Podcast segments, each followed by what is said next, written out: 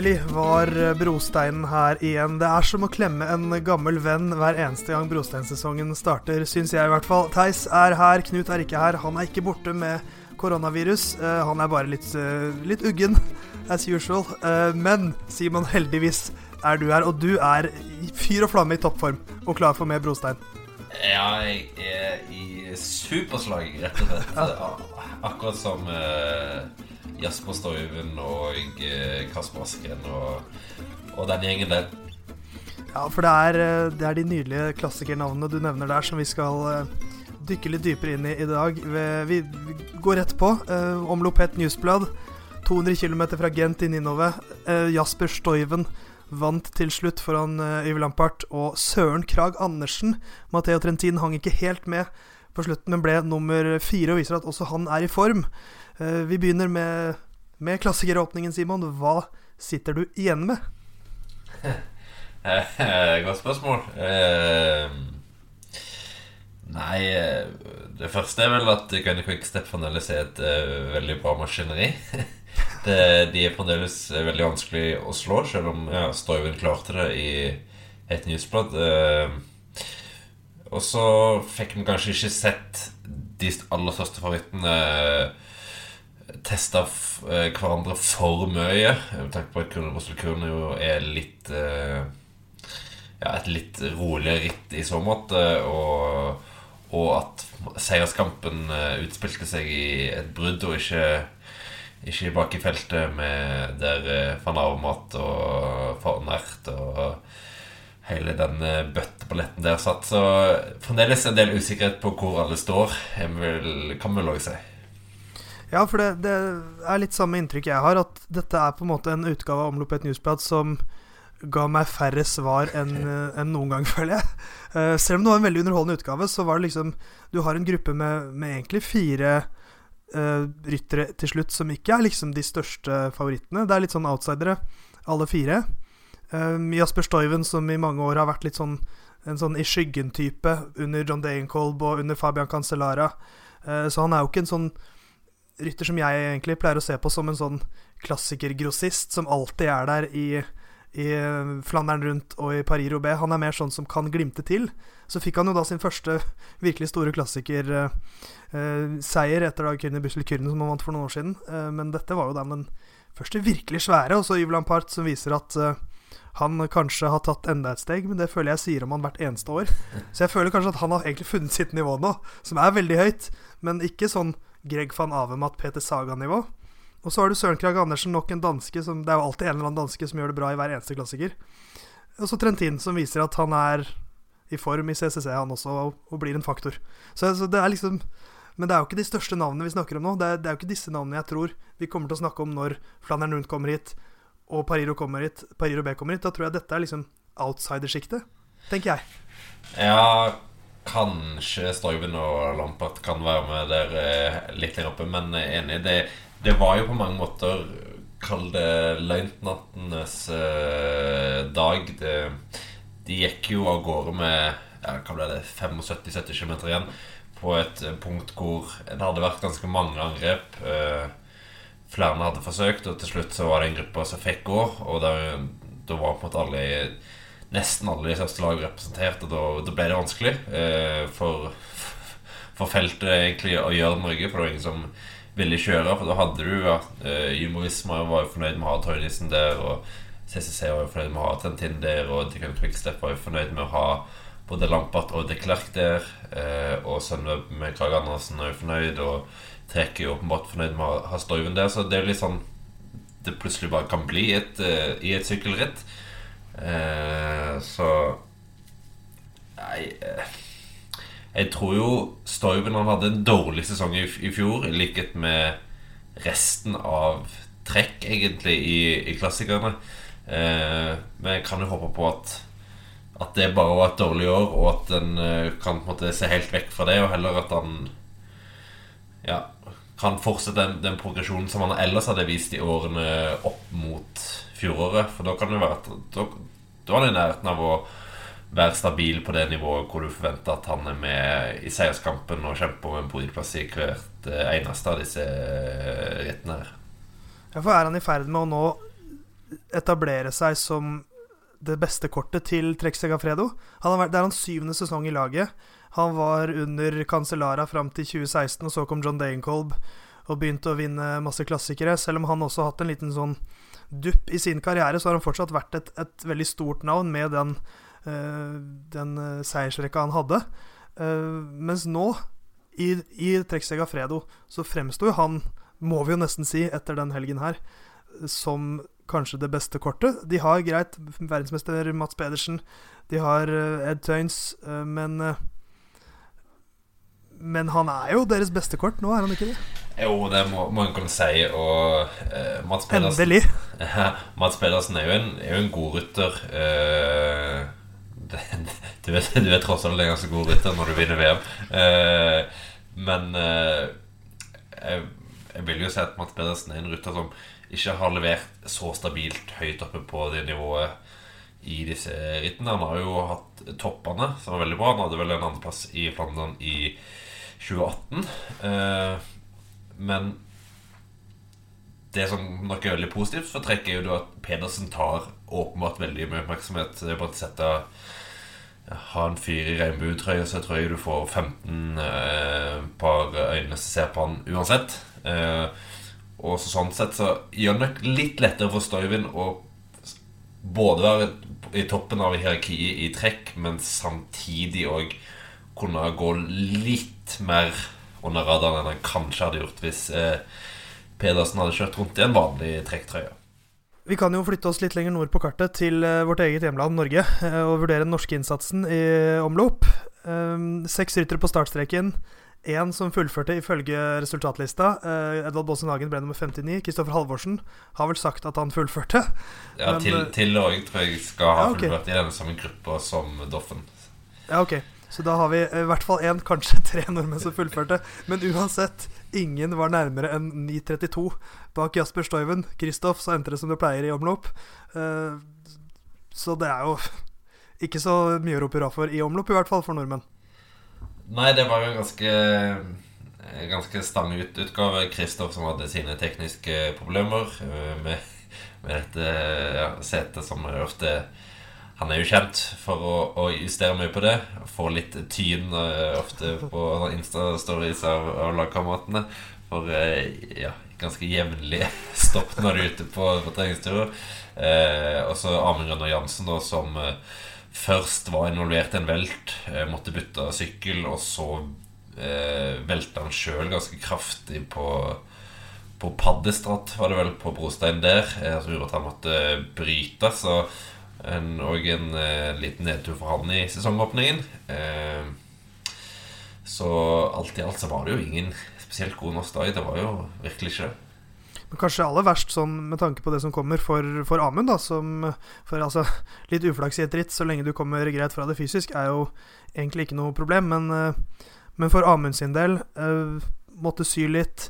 Ikke noe sånn kjempeskudd for baugen, men når han har tross alt opparbeidet seg en posisjon som hva skal man si uh, jokeren i kapteinsrekka til uh, Jumbo Visma, så er det litt leit at det kommer akkurat idet han skal inn i sin viktigste del av sesongen. Ja, altså, jeg, som du sier, jeg tror ikke skaden har så veldig mye sånn Jeg tror ikke den setter han så mye tilbake. Uh, men klart Når han på en måte nå har fått den sjansen han har fått, så er det jo viktig å klare å gripe det og vise at du virkelig fortjener det med resultater òg. og dette var jo dritt hvor han Eh, ja, veldig fort kunne gjort det veldig bra. Så hadde han vært med eh, i feltet, da. Eh, det hadde han jo sannsynligvis vært hvis han ikke hadde vært i disse veltene. Så kunne han jo hatt samme rolle som Toynissen. At det var han som angrep, og ikke Toynissen. Og så hadde han sittet i finalen. Altså, det, det er ikke så veldig mye, mye mer som skal til for at du plutselig sitter igjen med en topp fem i klassikeråpningen, til at du ja, må bryte av med 7-8 mil igjen.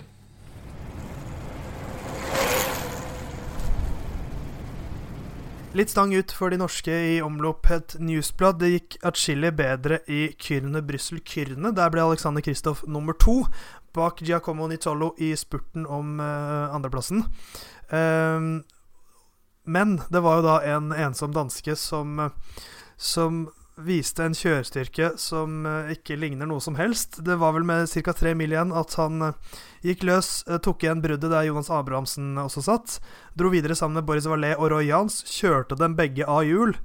Og var umulig å hente. Og fikk dermed sin aller første virkelig store klassikerseier. Så nok en danske, som jeg sa i stad, det er alltid en danske som presterer.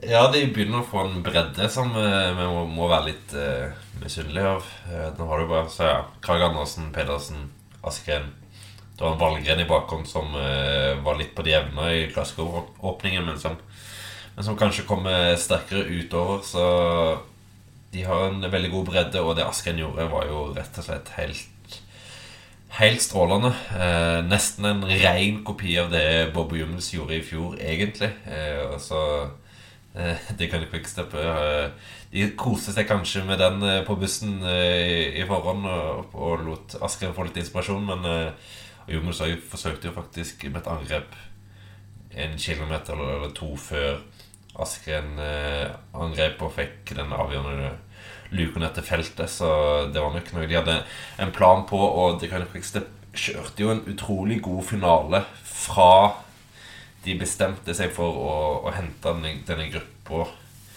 hvor du hadde en haug av gode spurter og kun utstillingstyper. Så det er jo en fryktelig motor i den, eh, i den gutten der, og han eh, Ja Han kan jo egentlig Han kan vinne seg veldig mye, for uh, han takler jo alt av terreng, og han har en god spurt. og Nei, han kan, han kan, få en veldig veldig stor klassekarriere hvis han fortsetter i dette sporet.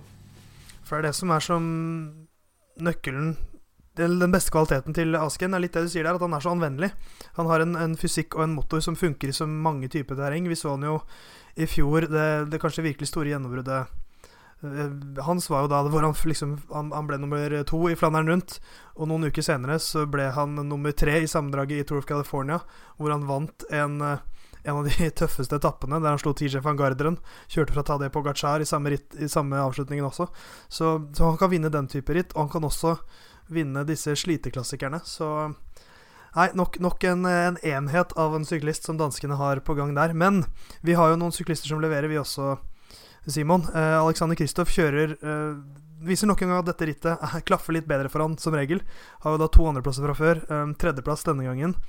Eh, men kjører veldig aktivt underveis og prøver seg med en klassisk langspurt mot slutten for å prøve å hente Askren. Og da blir han slått i spurten av Nizzolo. Men, eh, men det han viser her, er jo veldig, veldig positivt.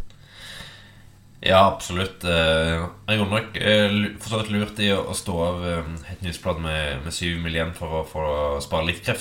Og ja, i kuldebrystkurene så gjør han et av de bedre rittene jeg har sett av han eh, i, i Belgia, egentlig. Eh, veldig, veldig gått med på alt. Eh, fra, I hvert fall fra TV-sendingen starter vi, ser jo ikke det som skjer eh, før det, men fra TV-sendingen starter, så sitter han jo egentlig nesten alltid topp 20, tror jeg. Topp 20-30. Klarer å være med over Odde Kvarmont, som er en bakke han misliker ganske sterkt. Eh, og er generelt som du sier, med på en del av disse uh, angrepene som går etterpå. Aktivt med på å få grupper til å kjøre rundt. Så et veldig veldig positivt ritt fra Kristoff. Uh, og det var jo et hardt ritt òg. Det, det, er òg viktig å, legge til. Og du, du ser du på en måte på, på, spurten hvor veldig mange av de som var med på det samme kjøret som uh, som Alexander, sånn som uh, John Degenkolb og Chris Bool og sånt, de sier jo bare at de var helt For å bruke de så fucked på, på, slutten. Altså helt skåltomme i, i, i beina. Uh, og Da viser jo Kristoff igjen det at han ja, han, han, står disse rittene utrolig bra uansett og har alltid en spurt igjen. Han klarte å kjøre ganske økonomisk siste par milene, for så vidt. Uh, men uh, veldig, veldig imponerende. Og for så vidt viktig òg etter et ganske dårlig omlopp et for, for, hans del. Så det er greit å vise at uh, nivået er der. Ja, altså Det jeg synes som er så positivt også, er at han presterer i en, en, et, en litt kortere klassiker. Uh, han, vi, vi, ser ofte at han sliter litt sånn i, i E3, uh, f.eks. 200 km langt. Uh, det har ikke klaffet like bra som uh, Gent Wevelgem, f.eks., som var vant i fjor, og Flandern rundt, som er en time lenger. Det er ofte den siste timen som har gjort uh, forskjellen, hvor han ikke taper seg så mye, men at han da, i et så hardt ritt som dette også, som er kortere, et par kilometer kortere enn en E3 pleier å være, så viser han fortsatt at han klarer å henge med i de tøffe bakkene. Det gjør meg veldig optimistisk på, på det som kommer. Um, kan jo også da nevne at Kristoffer Halvorsen ble nummer 11 i uh, Kyrne Brussel-Kyrne. Sto først som tiendemann på resultatlista, men ble dyttet ned én plass til 11.-plassen. Fortsatt veldig positivt at han uh, kommer seg nære, i nærheten av topp ti i en spurt som det der.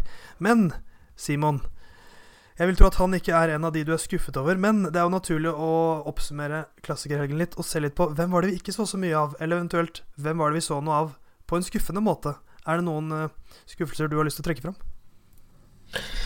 Ja, det er jo for så vidt eh, en del som du hadde håpa på, på, mer av. Eh, Mats Pedersen var en rytter som for så vidt prøvde på mye, men som satt sitt igjen med veldig lite. Eh, var ikke helt der han nok håpte han skulle være. Eh, det kan jo være litt sånn eh, at det tar litt tid før han virkelig kommer etter en, etter en høst i fjor hvor det åpenbart ble mye oppmerksomhet. Eh, og så var det jo mye mye spenning knytta til dette samarbeidet mellom van Avermaet og Trentin i CCC. Eh, og samarbeidet fungerte jo egentlig veldig bra. Eh, men det er liksom, når, når jeg ser på Matheo Trentin, så tenker jeg bare Der har du en fryktelig god rytter. Jeg har i mange år hatt et veldig godt øye for Trentin, men det er en rytter som aldri kommer til å vinne noe en veldig stor klassiker det, Du har sett han så mange ganger i en posisjon som den han har i Området et newsblad, hvor det bare mangler litt på slutten hele tida. Eh, og det er, en, det er en rytter som, eh, som egentlig aldri har vunnet en vårklassiker. Eneste gangen han har vunnet Norge før mai måned, var i fjor, hvor han vant eh, tre etapper i spanske ritt. Og han har i Monumenten aldri vært bedre enn enn nummer ti. Og det er vel fra Milano San Remo to ganger. Og det er jo Der òg var han i finaler hvor han med sin spurt egentlig burde gjort det bedre enn å bli nummer ti. Så han har litt eh, Edvald Boasen Hagen-syndromet når det kommer til, til å virkelig få det ut i de, i de største rittene. Og sjøl om samarbeidet Trentin for Armat ser lovende ut, så tror jeg CCC må satse på van Armat for å plukker de store, store. Uh, noen andre som forsvant som ofte forsvinner litt fra, fra finalen av disse store klassikerne, syns jeg, er ofte eh, Team Ineos. Eh, nå har de riktignok vunnet dette rittet to ganger tidligere, eh, men i år syns jeg det, så, det skjedde i klassikerstarten her, det som jeg syns ofte skjer med dem, at de er aktive underveis, de viser seg fram, men den siste timen så bare forsvinner de. Um, det skjedde jo litt nå. Luke Rowe var aktiv underveis. Ian Stannard var aktiv underveis. Men så mister de den avgjørende gruppa, og så bare blir det helt Så forsvinner de helt. Så, og, det, og jeg syns jo egentlig de har et ganske sånn interessant og spennende eh, klassikerlag med Ian Stannard, med, med, med da Luke Rowe, Owen Dool, som har vist seg bedre og bedre. Uh, Gianni Moscon gjør sin greie. Eh, kaste sykler på folk og bli diskvalifisert. Um, men det er liksom ikke han som er grunnen til at jeg syns de skuffa litt, egentlig. Jeg syns bare de, de, har så mye mer enn det de viser, syns jeg. Ja, altså, de, de, de prøvde jo mye, men så, så bare mister de gruppa, og så, så, ser det litt håpløst ut. Uh, det var liksom de og EF da som satt igjen med, med veldig lite etter het Newsblad, ettersom jeg får mista gruppa etter hvert som eh, Jonas Rutsch eh, bomma litt med når han skulle ta av seg denne jakka. Eh, men ja, Ineos merker savn av Dylan van Bale, åpenbart. han løser alle problemene. Ja, altså Da har du i hvert fall en mann som er synlig i finalen, for han er jo i finalen eh, ti timer før alle andre.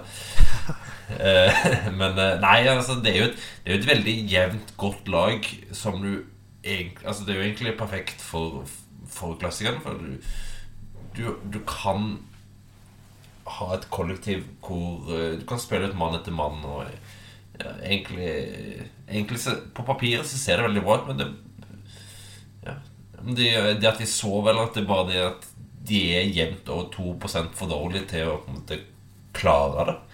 Det vet jeg ikke, men uh, en, uh, klart en forventer jo mer av Ineos alltid, med tanke på Med tanke på det budsjettet de har. De skal jo være uh, best. Altså Forutsetningene sier jo det. Så når de da på en måte ja, sitter igjen med ganske lite etter åpningshelga, så er det jo så er det jo absolutt grunn til å tenke at det her var for dårlig. Hello, I'm Alberto Contador and listen to Muchets. Vi pratet jo så vidt om at uh, Edvald Boasson Hagen ikke hadde så veldig mye å rope hurra for. Uh, ikke helt frisk, viser det seg.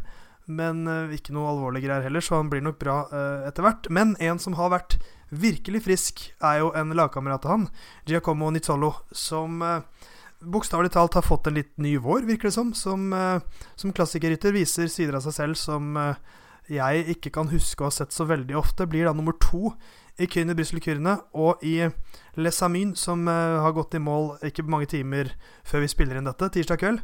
Uh, der uh, ble han nummer seks, nådde ikke opp i spurten til slutt, satt i da i tetgruppa, men var jo da med på et bruddforsøk, en kvartett på, mot slutten, som ble hentet. Så han brukte jo en del krefter der. Men den kjørestyrken som Nizzolo viser nå, den tilsier jo nesten at han bør være klassikerkaptein til NTT. Uh, I hvert fall hvis det kommer til en spurt foran Edvald Baasson Hagen. Eller er det for drøyt å si, uh, når man ser på at Edvald tross alt har vunnet og vært med i finalen i Paris-Roubais osv.? Ja, i hvert fall i en spurt så er det jo naturlig at Nisolo er, er foran nå. Det, han var vel for så vidt òg til en viss grad det i fjor, eh, men da kom han aldri egentlig inn i et scenario hvor en hadde begge to. Eh, og sånn så eh, Edvald nå, som jo, du har vært inne på, han har vært, eh, vært litt sjuk, men det er jo klart det er veldig eh, Han har ikke veldig mye positivt å dra med seg fra de tre første rittene i, i Belgia her. Eh, han eh, Nå har jeg ikke sett den endelige resultatlista fra leseren min, men han ble jo droppa med seks mil igjen, og jeg antar han sto av ganske kort tid etterpå. Eh, og kunne Brøsselkurene, så var han jo heller ikke med i, i feltet inn. Så det, det virker som at det er en del å gå på det, og da, da er jo Nisolo et veldig bra kort nå. Han, han kjørte jo ikke om et Newsblad for å spare seg til, til søndagens ritt, eh, men spørsmålet om ikke han òg nå vil bli satt inn i disse litt mer eh, tøffere klassikerne. For han kjørte jo sånn så, både i Kunne Brøsselkurene og Lesermin, så kjørte han jo veldig offensivt og bra og var med i i bakken og på brostein, så han har et veldig bra nivå der. Og du må forvente at han vil være lagets kaptein i ja, Milan San Remo og Gent Wevelgem og en del av de rittene der. Ja, for er litt, jeg er veldig spent på hvordan de nå velger å disponere han. Han har jo sykla Dridax i Panne et par ganger. Eh, full, ikke oversikt over hvor mange ganger han har sykla Gent Wevelgem, men jeg vil tro det er et par ganger i hvert fall. Han har sykla Paris-Roubais to ganger. Forrige gang var i 2012, uh, sykla i 2011. Da sykla han også Flandern rundt. Så han har tre starter i de største brosteinsrittene og aldri fullført. Uh, men, men hva skal man si, kjørestyrke er jo viktigere enn erfaring, selv om erfaring er viktig i de rittene der. Er du i god form, så bør du jo få sjansen. Så jeg er jo helt enig i det du sier, men jeg er spent på om han har tenkt Om det har vært planen hans hele veien. Jeg må si jeg har ikke innsikt i hans sesongplan. Nei, nei du, du, du, har jo ikke det. Eh, det. det. kan jeg forstå at du ikke har. Eh, nei, eh, det virka jo på uttalelsene som at altså, laget hadde tatt en avgjørelse om at han ikke skulle kjøre om omløp Som at han gjerne kunne tenkt seg å kjøre det sjøl. Så jeg tror nok kan vi får se han i de fleste ritter nå egentlig utover. Og han har jo vært i god form på start. Vant jo i eh, Australia òg, så han eh, virker til å generelt sett eh, være i godt slag så langt i år. Så er spørsmålet Han skal vel til Giro d'Italia. Han er vel, Jeg tror han er den rytteren som har flest andre- og tredjeplasser i en Grand Tour uten å vinne en etappe. Han har to grønne to poengtrøyer bl.a. fra Giro d'Italia. Kommer endelig etappeseieren i år, Simon? Nei. Men han har en relativt grei sjanse mot slutten av rittet med tanke på at mange av spurterne vil stå av, og at Alexander Kristoffer kanskje er vekk pga. Eh, eh, fødselen av de tvillingene som han og kona venter. Så kanskje Det er vel en 18 av 19 etappene Det er vel en 250 km, nesten helt flat. Hvis NTT Alfenhaus har et bra lag eh, rundt Nisollo, så har han en grei sjanse der. Ellers tror jeg det blir vanskelig. Jeg er Carl Fredrik Hagen, syklist på Lotto Sodal, og du hører nå på podkasten Musett. Tre klassikere har eh, verdens beste kvinnelige syklister også kjørt de siste dagene. Vi kan jo begynne med omlopp også hos kvinnene, hvor et visst uh, romvesen fra Michelin Scott gjorde som hun pleier å gjøre, starte sesongen med en suveren soloseier. Kjørte fra alt og alle opp brosteinsbakkene. Og vant med 42 sekunder ned til Marta Bastianelli, som spurtet til andreplass foran Florci Mackay og Chantal Blak. Ellen van Dijk ble nummer fem. Så hun skal jo kun sykle endagsritt nå de neste uh, ukene, eh, fram til og med Liège-Baston-Liège, Annemiek van Fløyten og virker eh, kanskje ikke overraskende å ha truffet med formen. Ja, det virket ganske greit. Eh, det var jo et ganske ja, relativt stor gruppe på ja, det rundt en 20 ryttere som kom samla inn i inn i Gerhardsbergen, og det var jo bare bedre enn alle andre. Tok en, eh, tok en Cancellara versus Tom Bonn fra 2000 og, hva var det, 2010. Eller. Og rett og slett bare kjørte de av hjul på enkel og, enkelt og dominerende vis. Eh, så ja Den beste rytteren i verden blant kvinnene. Punktum. Ingen tvil om det. Men jeg har lyst til å trekke fram et, eh, en positiv overraskelse fra omlopp. Uh, eh, Mackay var den som var nærmest å følge uh, van Fløyten opp, opp, muren. Hun, hun fulgte nesten til, uh, til, toppen. Det ble litt for vanskelig over, over toppen, men hun, uh, hun var jo også den rytteren som førte forfølgergruppa opp Bossberg. Så hun Og den så jeg ikke helt komme. 24-åringen fra, fra, Sunweb. en veldig positiv overraskelse. Se opp for henne i i klassikerne som uh, følger. Men vi kan jo gå videre til uh, omlopp van het Hageland, hvor det da ble uh, en spurt fra et ganske redusert felt. Lorena Vibes har begravd stridsøksa med Park Hotel Falkenburg litt. Så hun skal vel sykle for dem fram til og med juni, tror jeg. Og da er hun vel lovet å bli fristilt. Vant da foran Marta Bastianelli og Emma Cecilie Norsgaard, apropos dansker som alltid er med og kjemper om seier. Um, så Vibes, et av de, en av de store åpenbaringene fra i fjor, selv med alt dette tullet som har vært siste månedene, med status på lag osv., så, videre, så er hun fortsatt god, såpass proff at hun klarer å vinne. Og så god at hun klarer å vinne. ja, ikke minst. Eh, nei, det var jo et, eh, en, en, et fint spurtoppgjør der. Eh, det var jo en, det var en del rytter som kom inn samla, som lovt er i, i Hageland. Eh, Bastanelli har jo har vunnet det to år på rad før, før i år, så vidt jeg husker. Eh, måtte se seg slått av godeste Vibbes, som jo òg virker til å bli stadig mer kjøresterk. Så hun har en spennende framtid i møte, hun òg. Apropos Bastianelli. Vi husker vi prata mye i fjor om eh, denne rekka hennes med klassikeritt i starten. Hvor hun vel de første fra sesongdebuten i omlopp til eh, Jeg lurer på om sånn i slutten av mai så var hun topp ti i alle ritt hun sykla. Uh, hun har jo nå uh, begynt på, på, samme vis i uh, 2020 seier i sesongdebuten og to andreplasser. Så hun er i form, hun også. En annen som er i form, er Chantal Blak og Bål Stålmannsjentene, som i dag dominerte Les Samy på den måten de pleier å gjøre når de er på sine beste dager. Hun klinka til etter en tredjedel av rittet og kjørte de siste seks milene solo. Vant med 1,50 til en gruppe på fire ryttere, hvor Nei, fem ryttere, hvor Kristin Majerus sørget for dobbeltseier for en Lotte Kopecky. Um, så Bolls blir en faktor å regne med, de også. Eh, og så får de jo Anna van de Breggen tilbake etter hvert òg. Ja, det er jo Du kan jo si du har Annemiek van Fløyten som den beste syklisten i, i, verden, og så har du jo Boll Stollemann som det beste laget. Og det er spørsmålet hvem som klarer egentlig å slå hverandre av de to. For du trenger et sterkt lag for å slå van, van Fløyten. Uh, og sånn så Boll kjører som de som de gjorde i Lesamin i dag, med å utnytte den kollektive styrken de har, så, så er det jo selvfølgelig vanskelig for, eh, for Van Floyten òg. Uh, og Chantal eh, van den Broekblak som, som hun har uh, skifta navn til nå. Hun vant jo, ja, som du sier, på veldig dominerende vis. Så hun virket å være i god rute. Starta jo, som du var inne på, bra i, i hett nyhetsblad. Hvis vi skal se litt på, på de norske prestasjonene i, i klassikerrittene, da. Susanne Andersen ble nummer 26 i, i omloppet newsblad. Kom i mål ca. tre minutter bak van Fløyten. I omlopp fem het Hageland, så var det Birgitte Ravndal som ble beste norske. Hun sykler for Kaukens Redant, et lite belgisk klubblag, er det vel. Vita Heine var også med der. Hun satt jo med i, eh, i feltet en stund. Eh, fikk det litt tungt mot slutten. Eh, og Ille Samy, i, som da gikk på tirsdag, så var det ikke så veldig mye å rope hurra for med norske øyne. Birgitte Ravndal nok en gang var med der. Emilie Moberg satt i feltet ganske lenge. Det gjorde også Vita Heine og Mie Bjørndal Ottestad. Men så kan vi også nevne at Lonneke Uniken, som syklet for Hightech i fjor, ble nummer nummer sju for Bolls. Så de har, de har, snappet opp med et bra talent der som vi ble kjent med i fjor. Men uh, ikke så veldig mye å rope hurra for fra de norske i de tre rittene her.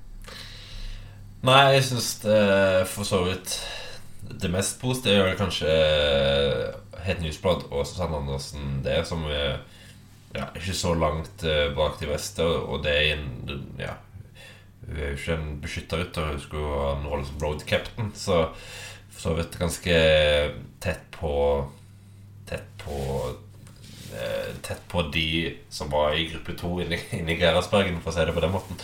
Uh, og så er det vel litt sånn på det jevne. Uh, det er jo ikke Altså, skal du ha realistisk mål på på det, så er det jo Susanne Andersen som har muligheten til å virkelig få store resultater i, i disse belgiske klassikerne. Eh, og så lenge hun ikke har en rolle som tilsier at hun får full frihet, så er det vanskelig å forvente for mye. Eh, så kan vi håpe at Vita Heine, når rittet blir enda litt tøffere, at hun kommer litt mer til sin rett, og at uh, hun kan gjøre det bra. Men det er kanskje til at denne klassikeren vi virkelig kan hoppe på noe, hvis du tenker på belgiske klassikere.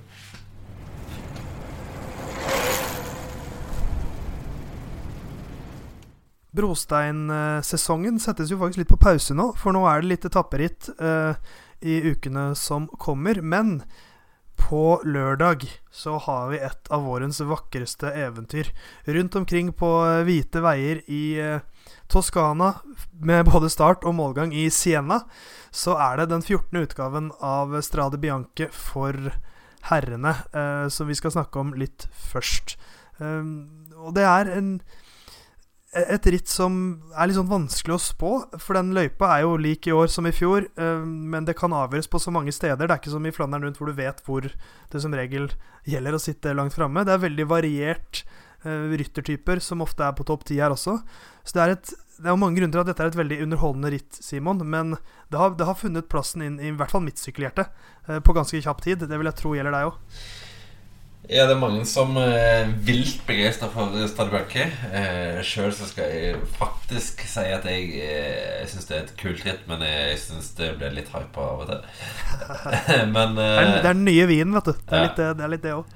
Eh, en av det dumme med Stadibaki er jo egentlig at TV-serien begynner så sent.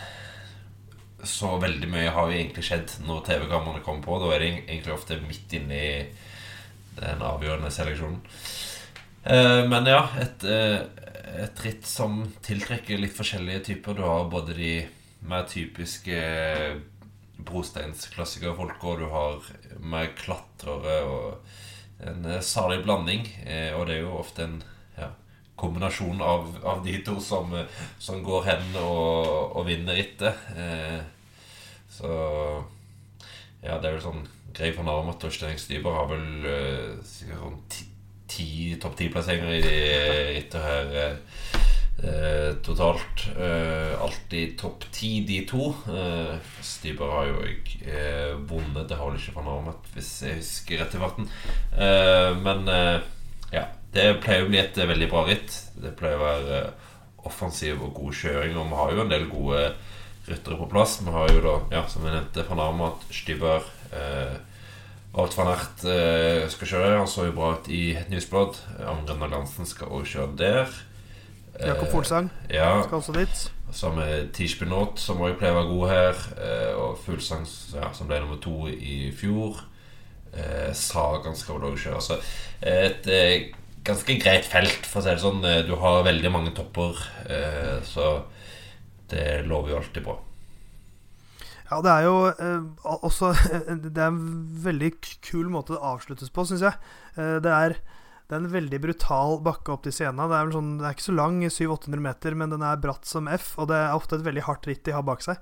Så det, det var det Wat van Ert som datt av sykkelen på toppen av bakken eh, for noen år siden. Han har jo to tredjeplasser på rad nå, det var kanskje i forfjor? Ja, i 2018, ja, så jeg kan ja. fikk, vel akuttkramper eller noe sånt, tror jeg. Ja, hvor du hadde da Tish Benot, eh, Roma Bardet og cyclocross-verdensmester Wat van Ert på topp tre, så det sier litt om liksom spekteret av ryttere som kan vinne her. Eh, I fjor så var det jo eh, litt mer eh, klatresterkt i topp to med Ala Filip mot Folsang. Det var jo litt narrativ i hele våren, at de to kjempet mot hverandre. Da var det eksplosiv Ala Filip som vant, mens Van Ert ble nummer tre foran Stybar, Benot, Fanamat, Lutsenko osv. Hva slags hvem, ser du på som den største favoritten i år, Simon? Hadde du spurt meg for to uker siden, så hadde jeg sagt Mathieu van der Poel. Uh, det hadde jeg også gjort. Ja, eh, men så har han da blitt eh, sjuk i etterkant av Valgarve. Står jo da over klassikeråpningen øh, og er usikker på om han rekker tilbake i, i godt nok slag til at han kjører i eh, Strade Eh, så i fra, Er ikke fravær, men hvis vi skal se vekk fra han, da Og folk tenker tenke at han ikke er i så godt slag, så sier jeg Styber, siden han hadde en ganske anonym åpningshelg. Han satt vel egentlig med første styr på Gerhardsberg, men var langt bak i mål. Jeg vet ikke hva som skjedde der. Men uh, ja, alltid god dette rittet. Uh, og uh, kanskje ikke så mange som tenker på han etter at han var ganske beskjeden i helga. Så da sier vi Styber. Det er, jeg er jo veldig veldig glad i Stybar, og, og jeg syns det han viste i Vuelta San Juan, selv om det er to, nei, en måned siden nå, så, så syns jeg det tyder på at han har truffet med formen uh, i år. Så jeg tror vi kommer til å se mye av han i, uh, i klassikeren i år. Han piket jo kanskje litt tidlig i fjor. Da var han jo uh, veldig bra i starten, vant til Wing Punk, men, men, var kanskje ikke helt der i Flandern og Paris-Roubaix, selv om han ble nummer åtte i Roubais. Så, så, var han jo bra i Strade Bianchi i fjor. Jeg tror det blir også cyclocross-tips fra meg. jeg tror Wat van Eit vinner, jeg. Tenk så nylig det hadde vært etter, etter, den skaden i Tour de France i fjor. Så har han fått en uh, seier i cyclocross. Han var veldig bra i omlopp uh, og har jo vist to år på rad nå. Dette er dritt som passer han veldig godt. Um, så det hadde gledet meg stort hvis uh, Wat van Eit kunne vinne i van der Poels fravær. Det er ofte slik det har vært i CX-verdenen siste årene også. ja, det, det har jo det. Eh, og ja, som du sier, det er dritt som passer han bra. Og avslutningen passer han jo egentlig ganske bra. Eh, og han eh, han så ut til å være ganske bra slag i bakkene i, i, på lørdag, i hvert fall. Så formen er der. Skal vi driste oss på et uh, vinnertips hos, hos kvinnene også? Der er det veldig lite info som har kommet ut om startlista. Uh, men jeg har lyst til å tippe uh, romvesenseier der òg, jeg. jeg. husker for, for, øvrig, apropos kort TV-sending, jeg kommenterte uh, kvinneutgaven av Strad Bianchi i fjor. Skal gjøre det i år også. Um, I fjor da kom jeg på skjermen med åtte kilometer igjen. Og da hadde van Fløyten avgjort allerede. Så eh, det var eh, La oss håpe vi får se litt mer i år, da. At det blir litt spenning før hun rykker ja. Det blir jo hun som vinner, blir det ikke det? Eh, ja, hun skal i hvert fall få et eh, saftig favorittstempel. Det, det, må vi jo si. Um, så det, alltid, det, er alltid vanskelig å slå Annemiek van Fløyten, og hun er vel en overveldende favoritt. Eh, så jeg òg ville sagt Annemiek van Fløyten hvis jeg fikk velge fritt av, uh, av seierstipset. Siden eh, det er kommet så lite info om startlista, så sier vi det at for første gang i museets historie så er, har vi bare ett vinnertips, og det er Annemiek van Fløyten. Yes. Det blir sikkert den ene gangen hun ikke vinner også.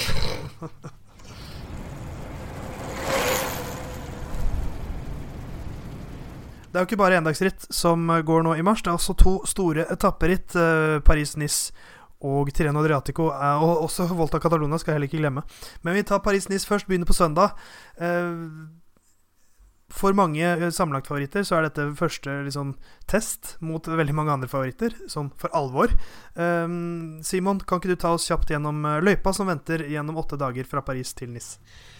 Jo, det er jo ikke veldig ulikt måte, hva vi ofte får i Paris-Nice. De tre første etappene er ja, litt ja, Starte Rod Paris, da, så, og så jobber en seg eh, sørover. Eh, ganske flatte etapper. Kan være vindutsatt, eh, som vi har sett en del eksempler på i siste året. Eh, første etappen kan bli noe annet enn en spurt. Kanskje et sent angrep, kanskje en redd spurt. Mens eh, de, etappe to og tre er ganske flate, så hvis det ikke er vind, så skal det bli en ganske grei masse spurt, sannsynligvis. Og så har vi en tempo på den fjerde etappen eh, i Julian Alaphilippe sin hjemby. Eh, eh Saint Aman eh, Mont. En litt sånn halvkupert eh, greie der. Fortsetter med en ja, sannsynligvis en på, på den femte etappen. Og så en litt sånn halvtøff etappe på den sjette etappen, men ikke stor avstand i sammendraget. Og så kommer den avgjørende etappen på etappe syv, eh, hvor det er en bakkeavslutning på rundt eh, 15 eh, km, er det vel. Eh, 16 km på 6% Og så avsluttes det da til, til NIS, men en mye lettere etappe enn vi har hatt for vane de siste årene. Så tempoen og denne etappe syv med, med bakkeavslutningen er det som vil bli avgjørende for, eh, for sammendraget. Eh, I fjor så var det jo en colombiansk duell om seieren. Egan Bernal vant 39 eh, sekunder foran Nairo Quintana. Mikael Kwiatkowski ble nummer tre. 1.03 bak sin lagkamerat. De skal dit, begge to. Egan Bernal har åpnet sesongen i Colombia. Var ganske bra i Tour Colombia 2-1, men en, en, lagtempo der som gjorde at han var litt satt ut av sammendraget, ble nummer fire. Um, mens Nairo Quintana herjet rundt for uh, sitt nå franske lag i franske ritt. Har vunnet Tour de la Provence, har vunnet uh, Tour de Haute Har også tatt to uh, etappeseiere til sammen i de to rittene. får vi en ny colombiansk duell i år, Simon, og hvem vinner? Hvis det blir det.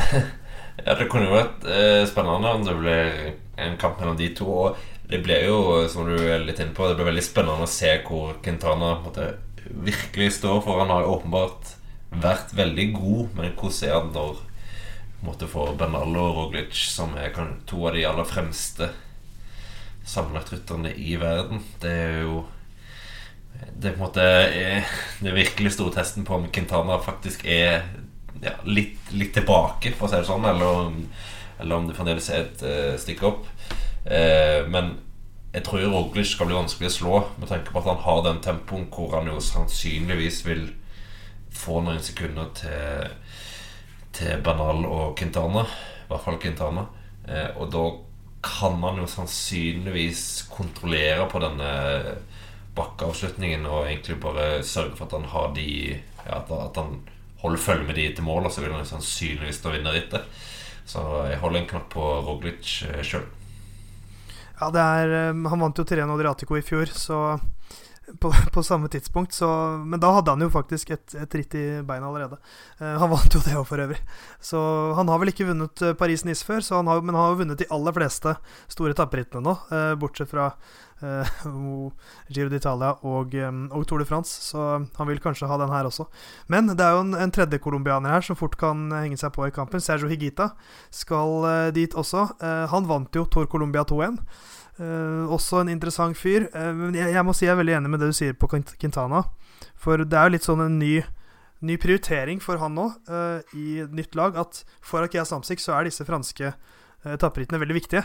Så jeg vil tro at de har også sagt til han at vi trenger at du, at du viser deg fram der, for det er viktig for våre sponsorer. Men Paris-Nice er jo like fransk som både Tour de Provence og Tour de Haute så veldig spent når han skal matche seg mot de aller beste.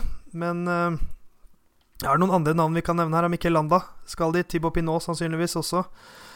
Um, det blir jo et ganske hett eh, startfelt her. Richie Port har sett ganske bra ut. Tadej Pogacar skulle jo egentlig dit, men eh, er koronafast i uh, Emiratene, så han får ikke sykla dit. Det samme skjebne som Sven Erik Bystrøm, hans romkamerat.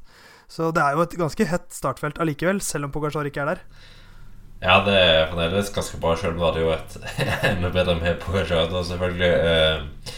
Så det skal bli eh, spennende. Og det, for franskmennene så er det jo her et viktig ritt, for Pinot er jo ikke helt der han eh, eh vil ønske å være så langt. Eh, vil nok ta litt tid før han er helt tilbake på, på toppnivået sitt etter det lange avbrekket han hadde i fjor høst. Virker det som. Alain Philippe heller ikke helt eh, vært på maks denne sesongen. Eh, kjørte jo eh, endagsritt i Frankrike nå i helg, og der heller klarte han liksom ikke å imponere noe voldsomt. Så begge de to må på en måte begynne å vise litt mer enn det de har gjort eh, så langt, for at det skal være litt sånn betryggende inn mot, eh, inn mot resten av sesongen. Så alle flipper er jo åpenbart en del forventninger til når han kommer, kommer til hjembyen òg. Så det skal bli spennende å se om de klarer å løfte seg litt fra tidligere.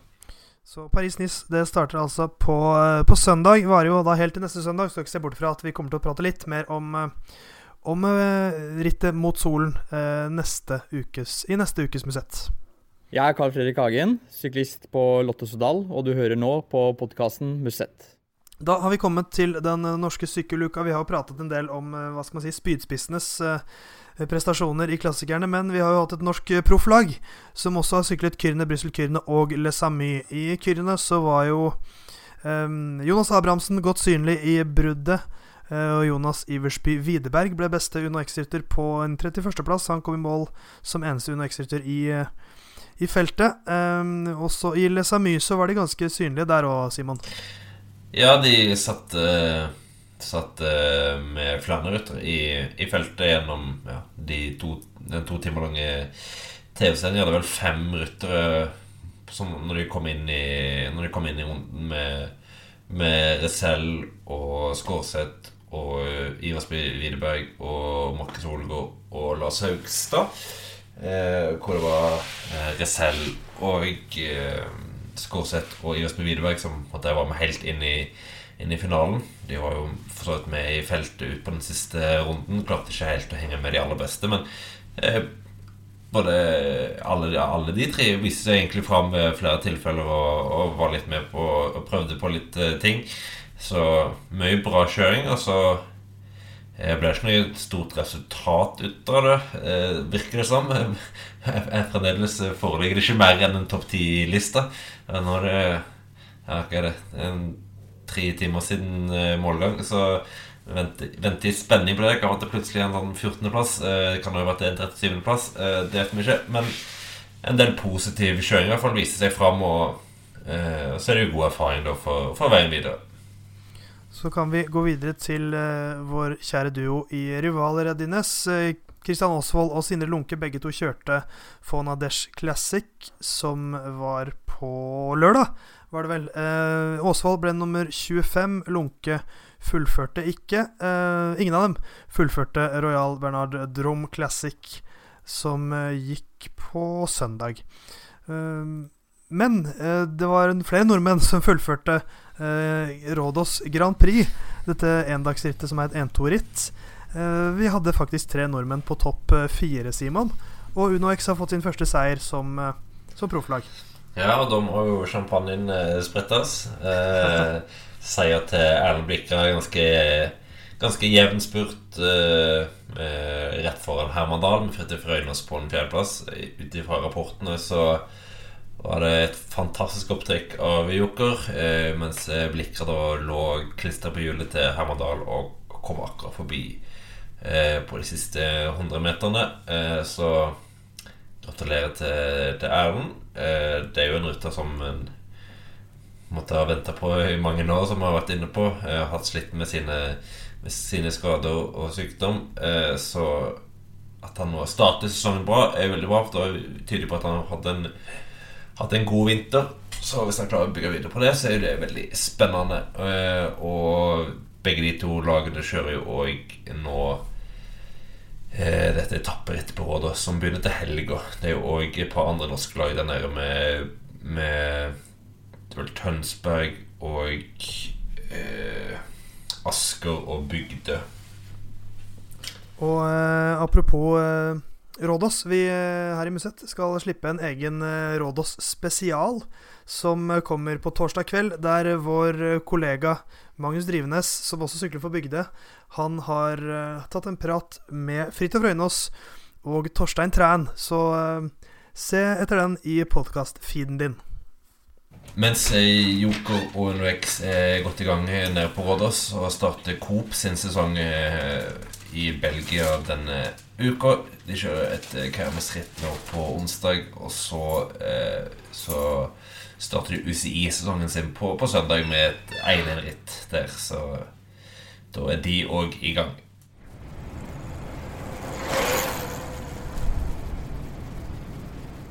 Vi har to uh, ting igjen som vi ikke må gjennom, som vi skal gjennom fordi vi syns det er gøy. Vi skal dele ut et rødt startnummer til en som har pekt seg ut på en positiv måte.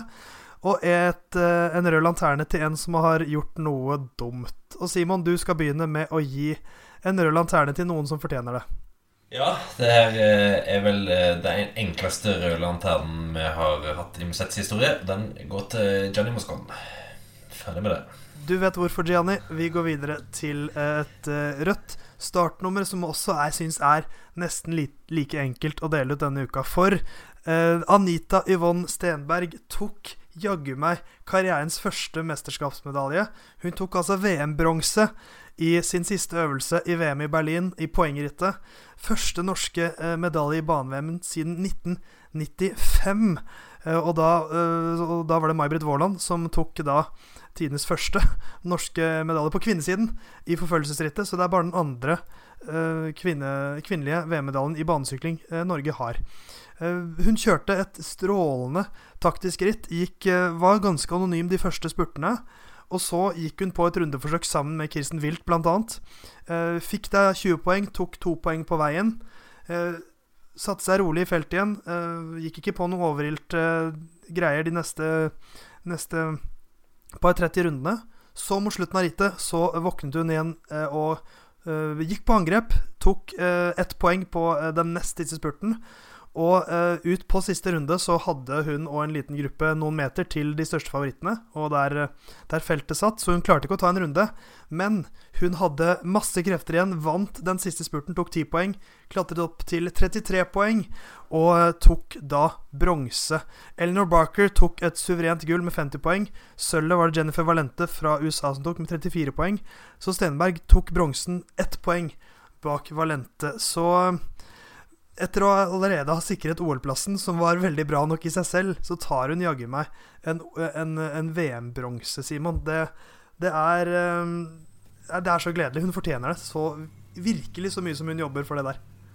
Ja, det her er jo en, en en satsing som har foregått på eh, ganske et et lavt nivå, på en måte. Altså, det, det er en det er veldig nøkternt. Ja, det er ikke en, det er ikke en fullblods elitesatsing. Altså, hun har jo Hun jobber vel deltid som en kundeservicemedarbeider uh, over uh, nett uh, for å finansiere det. Altså, det er rett og slett en, en utøver som virkelig ja, bare ønsker å, å, bli god i det og har tatt store steg egentlig ganske jevnt og trutt de siste åra. Og hun leverer jo altså tre topp ti-plasseringer i dette VM-et. Og hun begynte jo VM med en syvenplass i scratch, som i seg sjøl var hennes beste VM-resultat noensinne. Så når hun da går videre øh, og, ja, som du er inne på øh, sikrer OL-plassen og så tar, tar bronsen, så, så, viser det òg øh,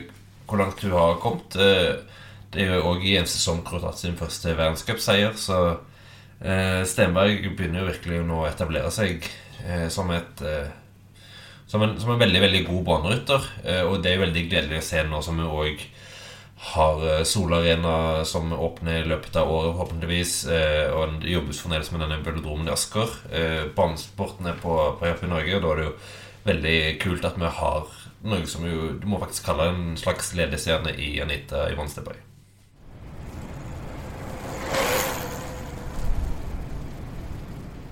Da var en omfangsrik og fyldig Musett-episode over for eh, denne gang.